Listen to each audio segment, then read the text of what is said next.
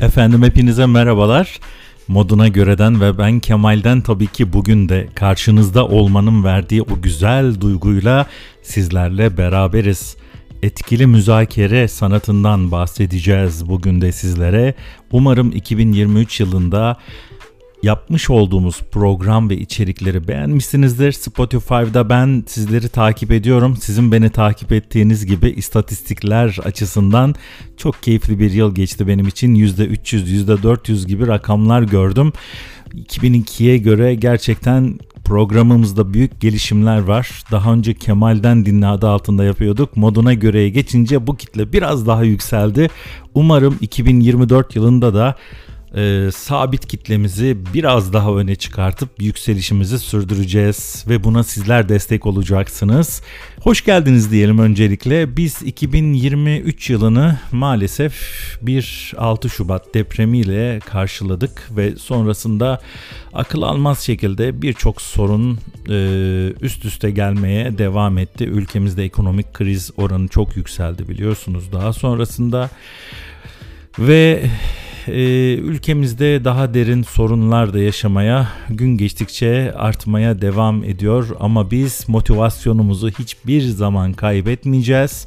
Şu nefesi alıyorsak gerçekten şükür edip hayatımıza, sağlığımıza öncelikle değer vereceğiz. Bugün onu konuşuyorduk da hayatımın şu yaşına kadar en önemli konu gerçekten sağlık ve biz en az sağlığımıza değer veriyoruz, değer biçiyoruz.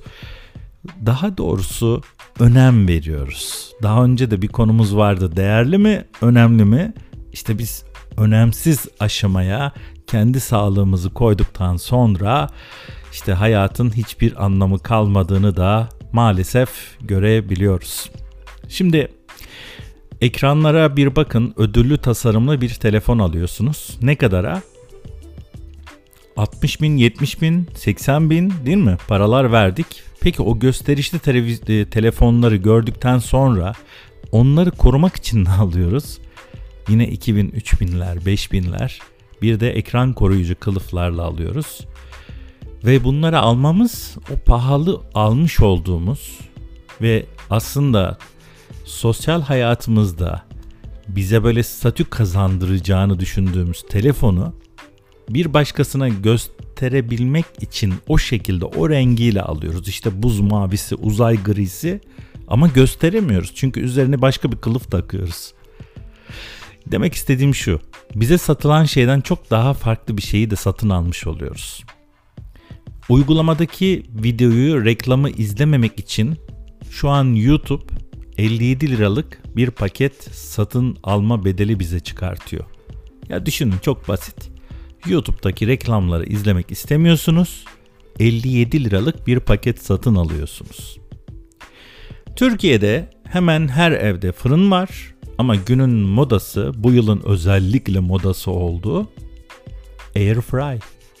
750 liradan 15 bin liraya kadar fiyatı olan Air Fry'ların peki fırından farkı ne normal evinizde kullandığınız fırınlar? Ee, mikrodalga fırınlar, ne farkı var? Daha az yer kaplama, hızlı pişirmesi, başka bir şey var. Çok önemli. Bize hep ne mottosuyla sattılar? Bir fırça yağ ile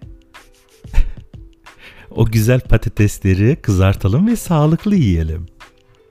E bunu fırında da yapabiliyorduk biz. O küçük mikrodalga fırınlar falan onlarda da ne oldu? Ama biz bu reklamı çok sevdik. Görüntüsüne de aşık olduk Airfry'in. Hemen aldık. Bize neler sattılar, paramızı nasıl aldılar bir bilseniz. Kredi kartından ekstra hiç bilmediğimiz vergileri dilim dilim kesiyorlar desem ve siz bunu hiç fark etmiyorsunuz desem. Çalışan insanlarsınız. Çalıştığınız paranın Kasım ayındaki vergisine baktınız mı? Maaşınızın hemen hemen üçte biri vergiye gitti bile. Kimisine baktığım zaman hemen hemen yarı yarıya oluşan bir tablo var. Çok acı. Siz bunu fark edemiyorsunuz ama bunu size satıyorlar, alıyorlar, bizden alıyorlar. Geçen gün temassız bir işlem yaptım. 240 lira yerine 440 lira kız çekiyordu ki dedi hayır efendim 240 lira alışverişinizin tamamı. Dedim inan 440 değil 640 da çekeceğim desen hiç sanki fiyatlar çok normal gibi geliyor dedim. Gülüştük. İyi niyetli bir çalışan olduğunu düşünüyorum. İşini düzgün yapan. Efendim hepimiz öyle dedi. Paranın değerinin kalmadığını o gün de fark ettik tabii. Bize neler satıyorlar? Paramızı nasıl alıyorlar? Kedi oyuncakları biliyorsunuz. Kedi sever misiniz ya da hayvan sever misiniz? Mama fiyatlarından haberiniz var mı? Bir tüy parçasını 225 liraya düştüğü için sevinen aileler var şu an Migros'ta. Kedi tırmalasın diye o tırmalatılan e, malzeme 450 lira. Evdeki canlara sevgimiz sonsuz ama fiyat bu olmamalı. Birçok şeye parayı deli gibi harcıyoruz ama peki size bir soru. Sağlığınıza para harcıyor musunuz? Gittiniz kanınızı verdiniz özel bir hastaneye. Kendinizi muayene ettirdiniz. İşte 4500-5000 lira para gitti diyelim. Ha, diyelim. Ne diyorsunuz? Abi böyle fiyat mı olur? Olur tabii. Çünkü gitmezsen öleceksin ya da o hastalık artacak, yükselecek. Yani yaşama değer katan her şeyin anlamı aslında sağlık. Bunu görmüyoruz. Çalışıyorsunuz. Hastalandınız ve ciddi bir şekilde hastalandınız. İzin almak için kork korkuyorsunuz. Ben de dahil. Korkuyorsunuz. Ne olacak? İşimiz ne olacak falan ama sizin aslında çalışmanızın temelinde yatan şey sağlığınız. Sağlıklı olmadığınızda zaten şirketinize de fayda getiremezsiniz. Yani yaptığınız işi de doğru yapamazsınız. Doğal olarak bütün bir hayatınızı düşünün. O hayatınızın en önemli şeyi sağlık. Ya siz olmazsanız ne olabilir? Düşünsene hiçbir şey olamaz. O yüzden sağlığa verdiniz işte özel hastanede verdim yok SGK'lıyım normal devlet nereyi kullanırsanız kullanın sağlığa verdiğiniz paraya yazık demeyin. Çünkü ülkede maalesef 3 katı tefeci faizi ödemek zorunda kaldığınız kredi faizlerini düşünün bankalara ve siz gidip bununla tatil yaptınız. Siz gidip bunu eşiniz üzülmesin diye hediye aldınız ona. Çocuğunuza bir şey aldınız. Tamam anlıyorum mecburi gibi görüyorsunuz. Artık hobilerimiz bile mecburi gibi oldu. Ama hepsinden daha değerli bir şey sizsiniz. Ve siz sağlığınızı kaybederseniz hiçbir şey olmaz. İşin özü şu ki sağlık için harcanan para asla boşa giden para değildir. Siz bu değeri çok az biliyorsunuz. Neden bunu diyorum?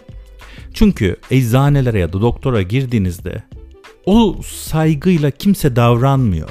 Eczanede işte diyelim 200 lira fiyat farkı çıktı.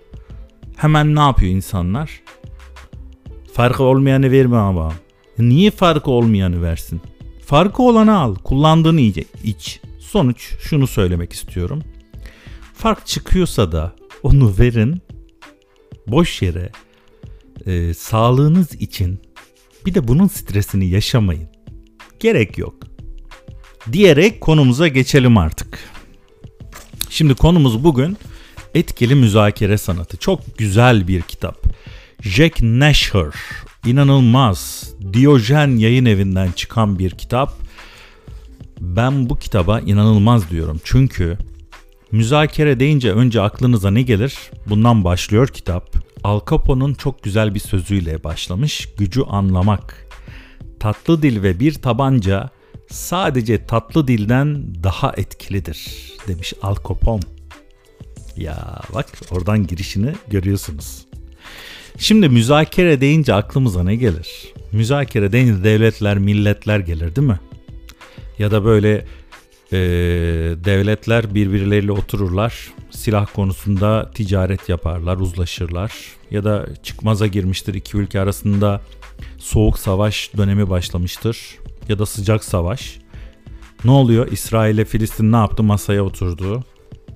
Arada birkaç gün geçti. O e, katledilen sivillerin o süreç içerisinde bir yerlere gitmesi sağlandı. Ne oluyor? Müzakere oluyor. Peki müzakere nedir aslında? Bundan biraz bahsedelim izninizle. Kitabın zaten önemli bölümlerini aldım. İlk, ilk etapta siz çok hoşunuza giderse mutlaka bunu okumalısınız diyorum. Hatta mutlaka okumalısınız diyelim. En umutsuz görünen durumlarda bile gücünüzü ya da en azından güç algınızı yükseltebilirsiniz diyor kitap. Güç İngiliz müzakere ustası Gavin Kennedy için müzakere sürecinin özüdür. 4 yaşındaki oğlunuzun ıspanak yemeği reddettiğini düşünün. Güç kimdedir? Belki büyük bir hukuk bürosunun ortağısınızdır ve oğlunuz ismini henüz hatasız yazamıyor, hiç önemi yok. O anda istediğiniz şeyi yapacak tek kişi odur. Ispanağını yemesi. Onun aksine sizin için bu durum önemli de. Güç içinde bulunduğunuz durumlara bağlıdır. Güçsüz görünenler genellikle güce sahiptir. İster çocuğunuz olsun, ister inşaatçı bir memur. Dünyanın en devasa ordusuna sahip ülkesi elinde bir tabancayla 5 kişiyi rehin alan sıradan birbirin, birinden daha güçsüzdür. Polis binayı çevreler ve rehinicilerin bir sonraki adımını bekler ama o kadar.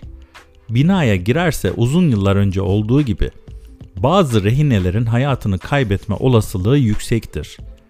Polis güç yetersizliğini dengelemek için rehinicinin arkadaşlarını ve akrabalarını evden alarak onları öldürmekle tehdit ederdi. Anneniz elimizde 3'e kadar sayıyoruz. Aksi takdirde yetim kalırsınız gibi. Gücü anlamak ve aksi durumlara rağmen kendi lehinize çevirmek müzakerenin aslında özüdür.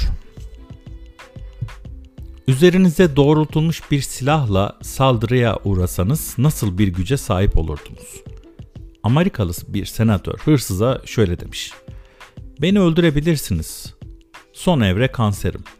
İntihar etmeyi düşündüm ama o zaman karım hayat sigortasını alamaz. Eğer beni öldürürseniz aileme yardım etmiş olursunuz. Uydurulmuş bir hikaye ama üstün görünen bir hırsızın tüm gücünü yok etmeyi ve çekip gitmesini sağlayan önemli bir yöntem. Kesinlikle hiçbir şey yapmayacağınıza inandığınız anlarda bir kaldıracınız vardır ve farkında olduğunuzdan çok daha fazla güce sahipsinizdir. Nakit sıkıntısı çektiğinizi düşünün. Çocuklarınız kış soğuğu yüzünden üstlerini örttükleri battaniyelerle cılız ve doğru dürüst süslenmemiş bir Noel ağacının karşısında kanepede otururken ve karınız sizi boşamakla tehdit ederken kredi çekmek için bankaya gidersiniz. Çalışan personeli o paraya ihtiyacınız olduğuna inandırmak ve size acımalarını sağlamak için yıpranmış eski kıyafetlerinizi mi tercih edersiniz? Ona çocuklarınıza gözyaşı dökmeyecekleri bir Noel yaşatmak istediğinizi ve parayı geri ödemeyecek olsanız bile en azından bankacının öbür dünyada ödüllendirileceğini mi söylerdiniz? İşte ben buna hiç sanmam. Bankalar ihtiyacı olmayanlara para verirler. Kredi vermek bir kişinin ekonomik sağlamlığı üstüne bahis oynamak gibidir. Eğer banka bahsi kaybederse para uçup gider. Eğer bankadan parayı alan kişi bir gecede petrol kuyusuna sahip olursa bankaya teşekkür etmek adına iki katı para ödemesi yapacaktır faiziyle özellikle ülkemizdeki durumları düşünürseniz. Ne kadar az ihtiyaç sahibi görünürseniz parayı alma şansınız o kadar yükselir. Ama hepsinden önemlisi en güçlü olan karşı tarafa en çok zararı veren kişi gibi algılanabilir. Halbuki güç karşı tarafın kaderini belirlemekten başka bir şey değildir. Kendinize sorun. Karşımdakinin bana yapabileceği en kötü şey nedir? Böylelikle aslında size yapabileceği pek bir şey olmadığını fark edersiniz. Hiç güçlü olmadığınızı düşünseniz bile işbirliği yapmayı sonlandırabilirsiniz. Tek bir silah kullanmadan Hindistan'ı İngiltere'nin güçlü sömürgesinden kurtaran Gandhi bu yolu tercih etmişti. Bazı vakalarda güçsüzlük nahoş bir duygu gibi görünebilir. Bu yüzden insan kendini çeşitli durumlarda sorumlu hissetmeyebilir. Ben ne yapabildim ki? Bununla birlikte aslında güç hissi mutluluğunuz için gereklidir. Neden pek çok kişi hastaneye gitmekten kaçınır? Çünkü orada kontrol kesinlikle onlarda değildir. Gideceğiniz yere arabanızla daha hızlı gitmek varken neden otobüse bindiğiniz ve geç kaldığınız için kendinizi kötü hissedersiniz? O halde güç kimde? Güç sizde. Eğer karşınızdaki buna ikna olursa. Öncelikle burada gözdağını anlamak. Deneyimli müzakereciler güç algısını en başından itibaren kendi avantajlarına çevirmeye çalışacaklardır. İlk intiba ve statü simgeleri sahtekarların geleneksel işaretleridir. Onlar her zaman insanları neye dikkat ettiklerini bilirler. Örneklerle devam edelim. Örneğin Avustralya Japonya'nın aksine büyük kömür rezervlerine sahiptir ama Japonya'nın kömüre ihtiyacı vardır. Yine de Japonlar daha iyi pazarlık pozisyonunda. Bu nasıl olabilir? Görüşmeler Japonya'da yapılır. Öncelikle Avustralyalıların uzun bir seyahati göze almaları e, bu pazarlık aşamasında bu anlama gelir. Her Avustralya'ya gidiş geliş uzak olduğu için hatta Yeni Zelanda ile saatlerce uzaklıkta olduğu için Avustralyalılar da bir jet lag yaşarlar. Alışık olmadıkları bölgede mücadele verirler ve çok seyahat ederler. Bunun üstüne firmanın baskısı eklenir. Sakın uçağı kaçırmayın. Müzakerelerde büyük paralar kaybedebilirsiniz tehdidi. Buna karşın Japonlar rahattır. Her gece evlerinde uyurlar ve satıcılar tıpkı ev hayvanları gibi ayaklarına gelir. Ayağına çağrılan kişi güçsüz durumdadır. Barmen ve garson arasındaki fark gibi düşünebilirsiniz. Barmene gideriz, dikkatini çekmeye çalışırız ve sonunda sipariş verebilmek için bizi fark etmesini umarız. Buna karşılık garson bize gelir. Sonuç aynı ama ziyaret ettiğimizin kişinin o gücü çok daha yüksek. Gücü anlamak aynı zamanda kendi gücünüzün en fazla olduğu anı da bilmek demektir. Diyelim ki anahtarı evde unuttunuz ve çilingiri aramak zorundasınız. 20 saniyelik bir mücadele size 100 liradan fazlaya mal olabilir. Elinde malzemesiyle gelen yine etkili müzakere sanatında diyor ki gücünüzü gereksiz yere azaltmayın. Buna Balzac'ın çok güzel bir hikayesi var örnek olarak vermiş olduğu. Bunu da mutlaka kulağınıza küpe olarak takın diyor. Fransız yazar Honor de Balzac'ın bir hikayesi algılanan güç durumunuzu da asla azaltmamanız gerektiğini anlatır. Paris'te bir yayın evi sahibi olan e, bir genç Balzac'a hayrandır. Ona bir sonraki kitabı için 3000 frank teklif etmek istemekte. Yazarın adresinin e, kenar mahallenin birinde olduğunu öğrenince ücreti 2000 franga indirir. Evi gördükten sonra 5000 frank teklif etmeyi düşünür. Sonunda merdivenleri çıkıp Balzac'ın kuru ekmek yediği ve bir bardak şarap içtiği kerpiç tavan arasını görünce teklifi 300 franka düşer ve bunun sonunda Adama teklifi sadece 300 franktır. Üçüncü kişi sayesinde güç kazanmak yine etkili müzakerede önemli bir ayrıntı. Güç aldığınızda ve onu büyütmek için kaldıraç aradığınızda üçüncü bir kişinin yardımı olabilir. Buna bir örnek. Bakımsız bir binada yaşayan kiracılar mal sahiplerini onarım için ikna edemiyorlar. Gider boruları bile binanın çalışmıyor ama mal sahibi hiçbir şey yapmıyor. Bir avukat bile tutmayan kiracıların nasıl gücü olabilir? Ellerinde pankartlarla şık bir semtte oturan mal sahibinin evinin önüne gittiler ve protesto ettiler. 15 dakika geçmeden hemen mal sahibi pes ediyor ve binayı yeniliyor. Belirleyici bir dış unsuru bulmak her zaman kolay değil. Tıpkı polislerin rehin alma vakalarında rehinecilerin yakınlarını devreye sokması gibi. Sizin de müzakere ortağınız için önemli olan kişileri bulmanız gerekir. Onun akrabalarını, arkadaşlarını ya da iş arkadaşlarınız davanın önemini arz ettirir. Başkaları konuyla hiç ilgisi yokmuş gibi görünenler gücünüzün kaldırıcı da olabilir. Bunu da kesinlikle unutmayın. Şimdi arkadaşlar çok önemli bir nokta. Kıtlıktan yararlanma. Müzakere sürecinde kıtlıktan yararlanma. Kolunuzun içinden bir as çıkarmak istiyorsanız önce onu oraya sokmanız gerekir diyor Rudy Carroll. Gücü yükseltmek kıtlıkla nasıl oluyor peki? Şimdi buna bir örnek verelim. Gana'nın başkenti Akra'dan Mami Wagon adında bir otobüs kalkar ve ülkenin ikinci büyük şehri Kumasi'ye gider.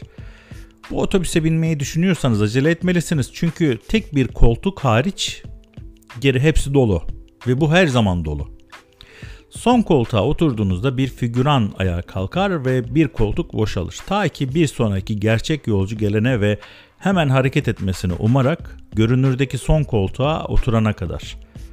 Ama hareket saati birkaç saat daha ertelenir. Kıtlık duygusu rekabete dönüşür.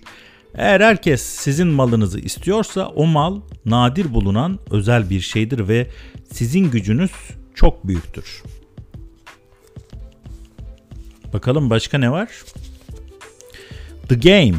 Bakın bu erkeklerin kadınları etkileme sanatından da uyarlama. Pickup Artist Combination. Ortak hedefleri olan erkeklerden oluşan bir grup.